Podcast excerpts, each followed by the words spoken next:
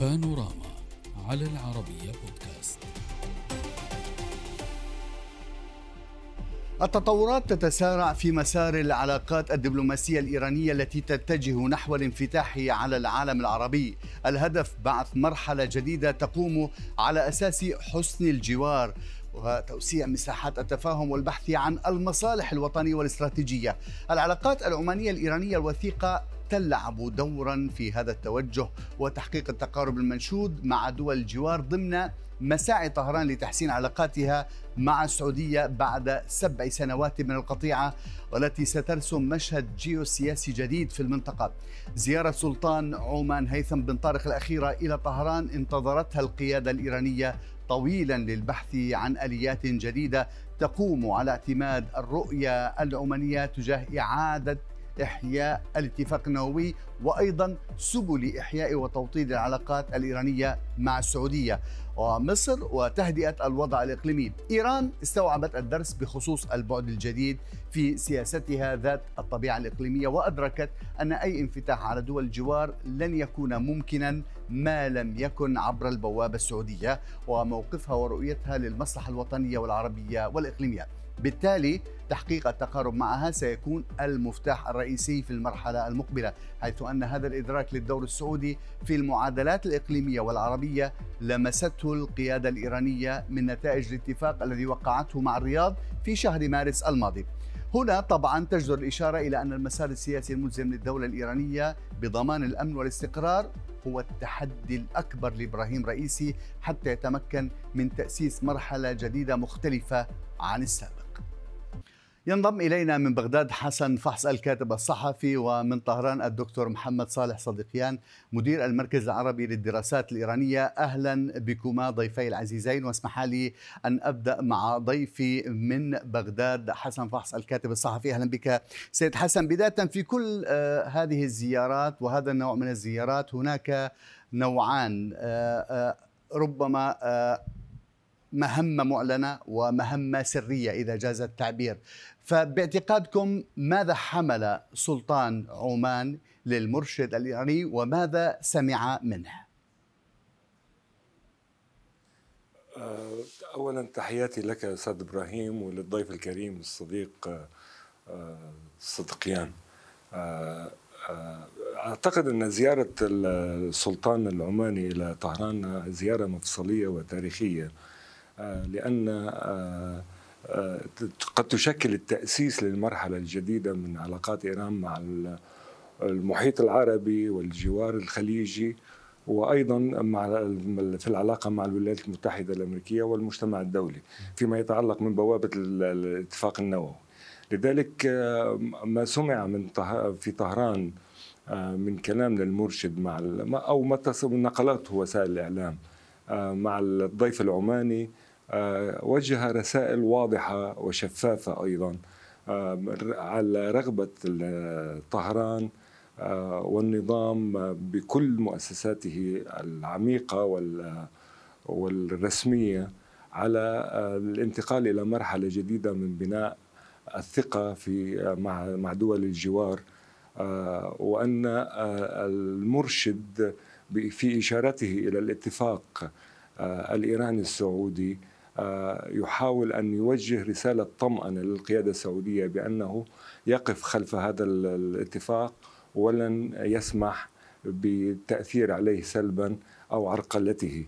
آه، بالإضافة إلى أنه آه، شكل المدخل الرئيس للانفتاح الإيراني على العمق العربي أو المحيط العربي وإعادة ترميم علاقات متوترة مع العديد من الدول العربية م. استمرت لأربعة نعم. عقود آه، وأن هذه المرحلة مرحلة جديدة بالنسبة له طيب هذا في هذا فيما في في الظاهر أما في ال في ال في ال في في الخفاء م. أو ما لم يعلن آه، أن السلطان العماني أيضا آه، مهتم يعني تشكل القضية اليمنية محور أساسي في اهتمامات عمان لأنها معنية بهذه الأزمة كما السعودية وكما كل الدول العربية والخليجية. لذلك السلطان أو المساعي العمانية تريد أهم تأكيد الضمانات الإيرانية بجدية طهران في الدفع باتجاه الحل في الأزمة اليمنية. لذلك أيضا هذه الزيارة تأخذ طابعا يمنيا خاصا أيضا. دون الإعلان عنها. طيب دكتور صادقيان من طهران هل وصلت طهران إلى قناعة بأن تطبيع علاقاتها مع دول المنطقة لا يأتي إلا من خلال البوابة السعودية. وماذا التقطتم أيضا أو أيضا من زيارة سلطان عمان إلى طهران؟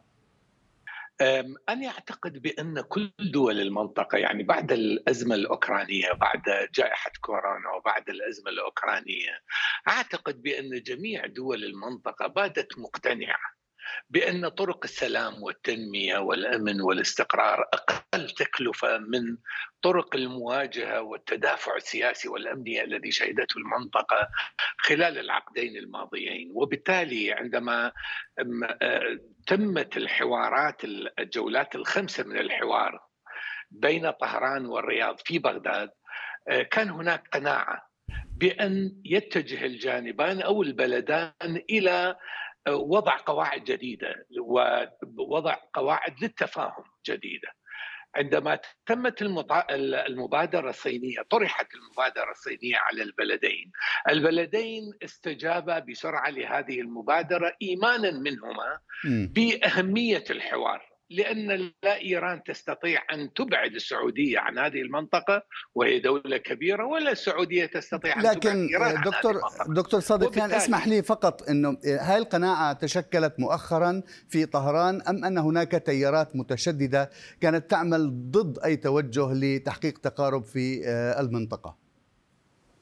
آه، أنا لا آه، انفي وجود بعض التيارات ربما لا تريد العلاقة مع السعودية لأسباب كثيرة لكن بشكل عام حكومة الرئيس إبراهيم الرئيسي يعني منذ أكثر من عام عندما فاز الرئيس إبراهيم الرئيسي بالرئاسة الإيرانية وهو أراد يعني وهذه سياسة وزارة الخارجية الإيرانية أيضا وحتى آه، مجلس الأمن القومي الإيراني أيضا هذه السياسة الرسمية وربما كما وصفها الزميل حسن آه، تلك الدولة العميقة الآن باتوا مقتنعين وهم لديهم تصور لإعادة صياغة العلاقات الإيرانية العربية والعلاقات الإيرانية الخليجية بشكل خاص. وبالتالي أنا أعتقد بأن هذا التصور وهذا الفهم لدى الإيرانيين لدى الحكومة الإيرانية هي التي أدت إلى الإسراع بالإستجابة للمبادرة الصينية وما صدر في آذار من آه، بيان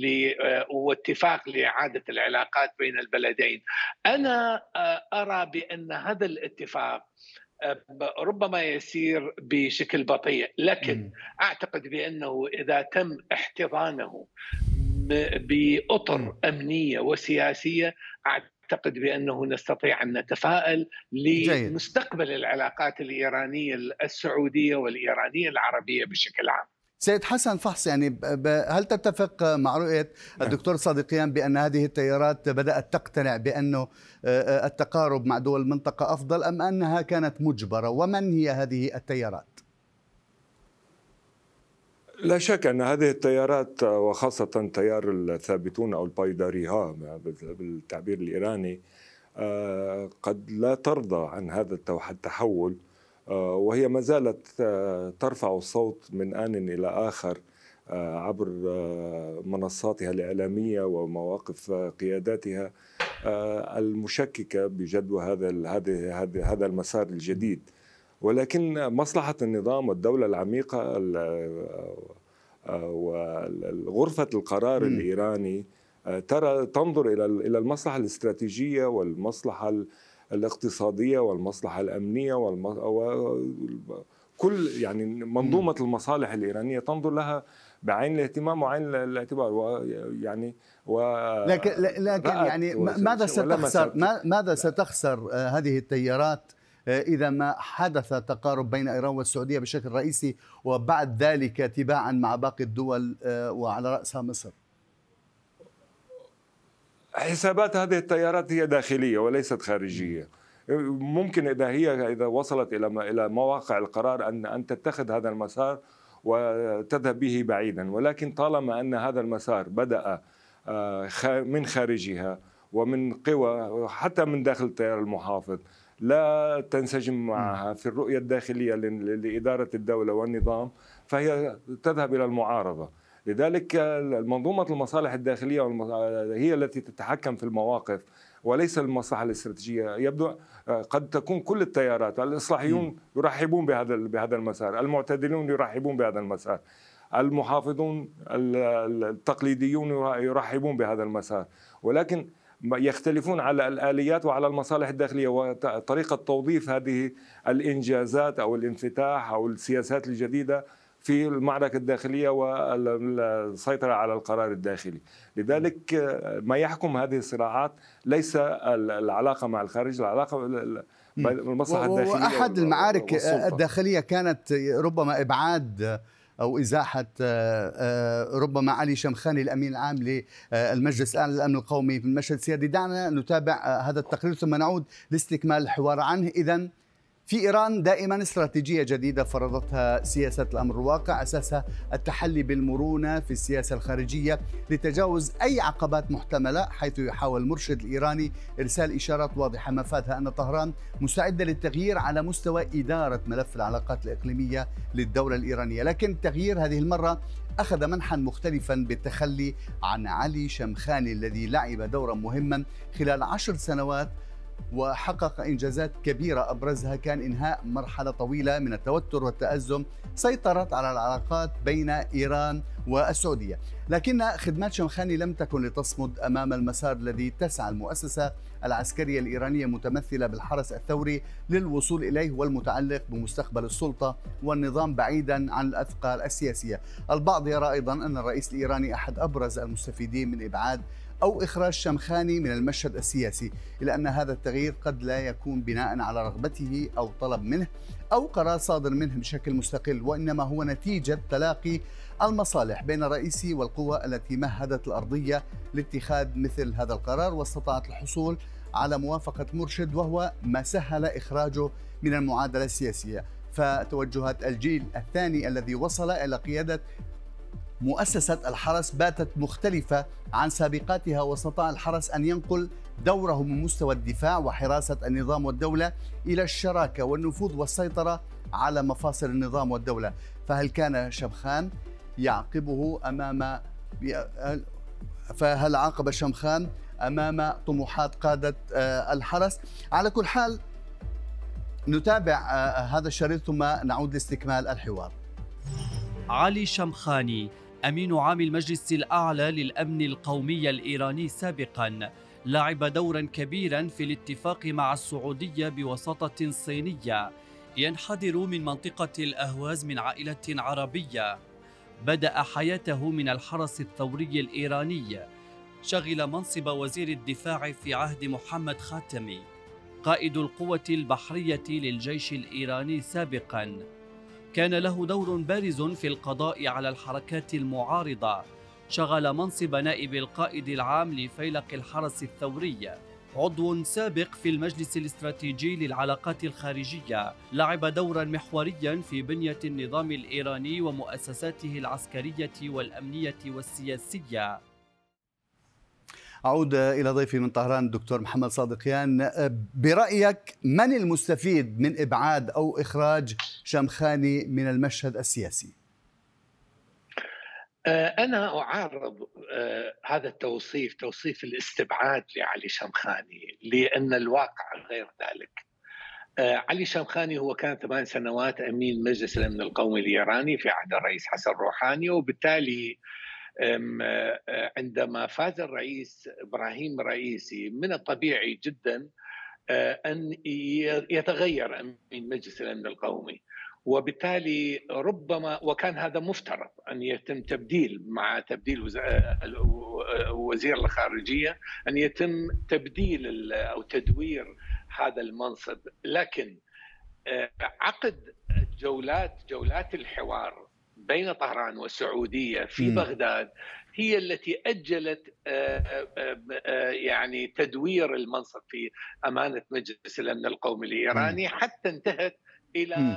نهاياتها في الصين ووضعت القواعد الأساسية للعلاقة طيب. بين العلاقة الجديدة بين طهران والرياض عند ذلك تم الاستحقاق وهذا استحقاق كان مفترض من قبل أكثر من سنة ولذلك لا أعتقد أعتقد بأنه استبعد لأنه هو ذهب إلى مكان أعلى هو الآن مستشار يعني هذا هذا هذا ما هذا ما تقوله يعني السلطات الإيرانية بأنه آه، هذه ليست عملية استبعاد لكن هناك من يرى بأنها استبعاد. والسؤال لسيد حسن فحص إنه آه، بعد أن قام شمخاني بهندسة آه، الاتفاق الإيراني السعودي وأيضا مع الإمارات ومع العراق والكثير من الملفات لماذا يتم الاستغناء عنها؟ ألا يمكن القول بأنه هذه مكافأة نهاية خدمة له بأن ترتاح بعد ما قدمته. لماذا يقال بأنه تم إزاحته أو الاستغناء عنها؟ يعني أتفق مع الأستاذ صدقيان على الآليات الدستورية أو الإدارية في استبدال الأدميرال شامخاني في موقعه. ولكن السياق حسن روحاني بقي في منصبه 16 سنة في في مجلس الأمن القومي يعني. آه، هناك استثناءات. لاريجاني لم لم يستمر أكثر من سنتين أو أقل يمكن. آه، سعيد جليلي أيضا لم يستمر آه، لم يستمر في كل دورة أحمد نجاد. لذلك استب... أنا يعني لا توجد قاعدة. أعتقد أن ما تم مع شامخاني لا لا توجد قاعدة. لذلك أعتقد أن ما جرى مع شامخاني هو استبعاد حقيقي لأنه آه، المجلس الأمن القومي آه، لغى آه، أو ألغى دور الدبلوماسية الإيرانية ووزارة الخارجية والرئاسة الإيرانية في كل المجريات الاستراتيجية التي تحدث في المنطقة يعني كانت كانت شبه مغيبة وهو هل سيعطي هذا هامش أكبر لإبراهيم رئيسي؟ هل سيكون هو المستفيد من هكذا تحرك؟ أكيد. وبرأيك المرشد هل بارك هذه الخطوة أو وجه بها؟ لا أعتقد أن المرشد وجه بها ولكنه قبل بها لإعادة تعزيز دور المؤسسة الرسمية. من جهة وإعطاء وزارة الخارجية دورها الطبيعي بأن تقوم ببناء العلاقات وترميم العلاقات الدبلوماسية وبناء الثقة الدولية في العلاقة مع إيران، لذلك يعني وحصرها آه، لا شك أن الآن المجلس الامن القومي ووزارة الخارجية والسياسات الاستراتيجية للنظام تبقى تحت أنظار وإشراف وتوجيه المرشد الأعلى. آه، لن تجرؤ الدولة أو مؤسسات الدولة على الذهاب إلى سياسات تتعارض مع موقف المرشد. ولذلك آه، تسعى إبراهيم رئيسي يسعى لتقديم نفسه كرئيس ناجح استطاع آه، بناء علاقات وترميم علاقات وتحقيق سياسة انفتاح على الدول الجوار على مختلف دول الجوار من آسيا الوسطى إلى القوقاز إلى لتركيا إلى طب دعني أتحول للدكتور صادقيان شامخان يعني يعتبر من آخر القيادات العسكرية التي تمثل ربما آه، آه، الحرس القديم في آه، الحرس الثوري الجيل المؤسس. وبالتالي من جاء بعده كلهم يعتبرون من الجيل الثاني أو الجيل الجديد. برأيك إلى أي مدى هذا سيسهل مهمتهم في تغيير جلد السياسة الخارجية الإيرانية؟ هذا صحيح جدا. هناك جيل آه، يعني هذا الجيل القديم أو الجيل المخضرم الذي وصل عمره الآن أكثر من 65 سنة ربما 70 سنة أيضا. هم كانوا طلاب جامعة في بداية الحرب العراقية الإيرانية عام 1980 الآن ربما يعني هناك تجديد في الحرس الثوري في مؤسسة الحرس الثوري وشخصيات القيادة في الحرس الثوري، لكن يجب علينا أن نعلم بأن هذه المؤسسة مؤسسة الحرس الثوري وهي مؤسسة مهمة آه، في القرار الإيراني، هذه تتبع سياسة ثابتة توضع عليها سواء كان شمخاني أو علي أكبر أحمديان، هناك سياسة ترسم من قبل مصادر قرار أخرى في وزارة الخارجية، في مكتب المرشد، في مجمع تشخيص مصلحة النظام، في البرلمان الإيراني، وبالتالي أنا أعتقد بأن الجيل الآخر أو الجيل الجديد الذي جاء في لمؤسسه يعني لكن التيار المحافظ المتشدد في إيران آه، على مدى أكثر من 40 عاما حال دون تطبيق العلاقات آه، مع مصر مثلا. وبالتالي هؤلاء كانوا هم رأس الحرب فيه. وتجديد هذه الدماء قد يغير آه، من الفكر والمعارضة الداخلية. ألا تتفق معي بعجالة حتى أسمع رأي الأستاذ حسن فحص أيضا. العلاقة مع مصر أعتقد بأنها تختلف مع عن عما هي مع السعودية. في العلاقة مع مصر الرئيس الإصلاحي محمد خاتمي زار إيران زار مصر القاهرة. وكان يأمل أن تعاد العلاقات الدبلوماسية بين البلدين لكنها لم تحدث. وهذا يعيدنا إلى النقطة الأولى بأنه السعودية والعلاقات مع السعودية آه، كانت ربما بوابة العلاقات الإيرانية. يعني إيران كانت تطمح لإقامة علاقات مع دول الجوار وأن تتجاوز السعودية. وهذا سبب سؤالي في البداية إنه هل وصلت طهران لقناعة بأنه لا يمكن تطبيع علاقاتها مع دول المنطقة دون المرور عبر الرياض؟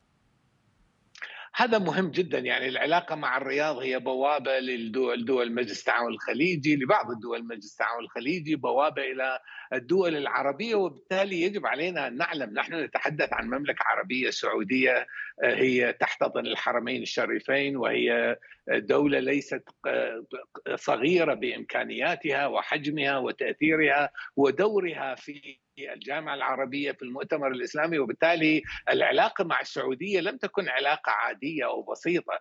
و كدولة دولة المملكة نعم. العربية السعودية أيضا مهمة جدا في العالمين طب أخذ كلمة أخيرة من الأستاذ حسن فحص. قبل أن نختم هذا الملف. تفضل أستاذ حسن. بل.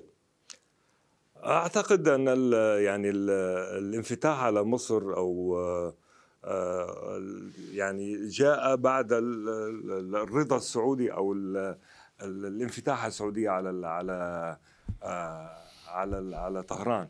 وخاصة أنه آه، يعني والنظام الإيراني يتحلى ببراغماتية عالية تعليقا على كلام الصديق صديقيان يعني.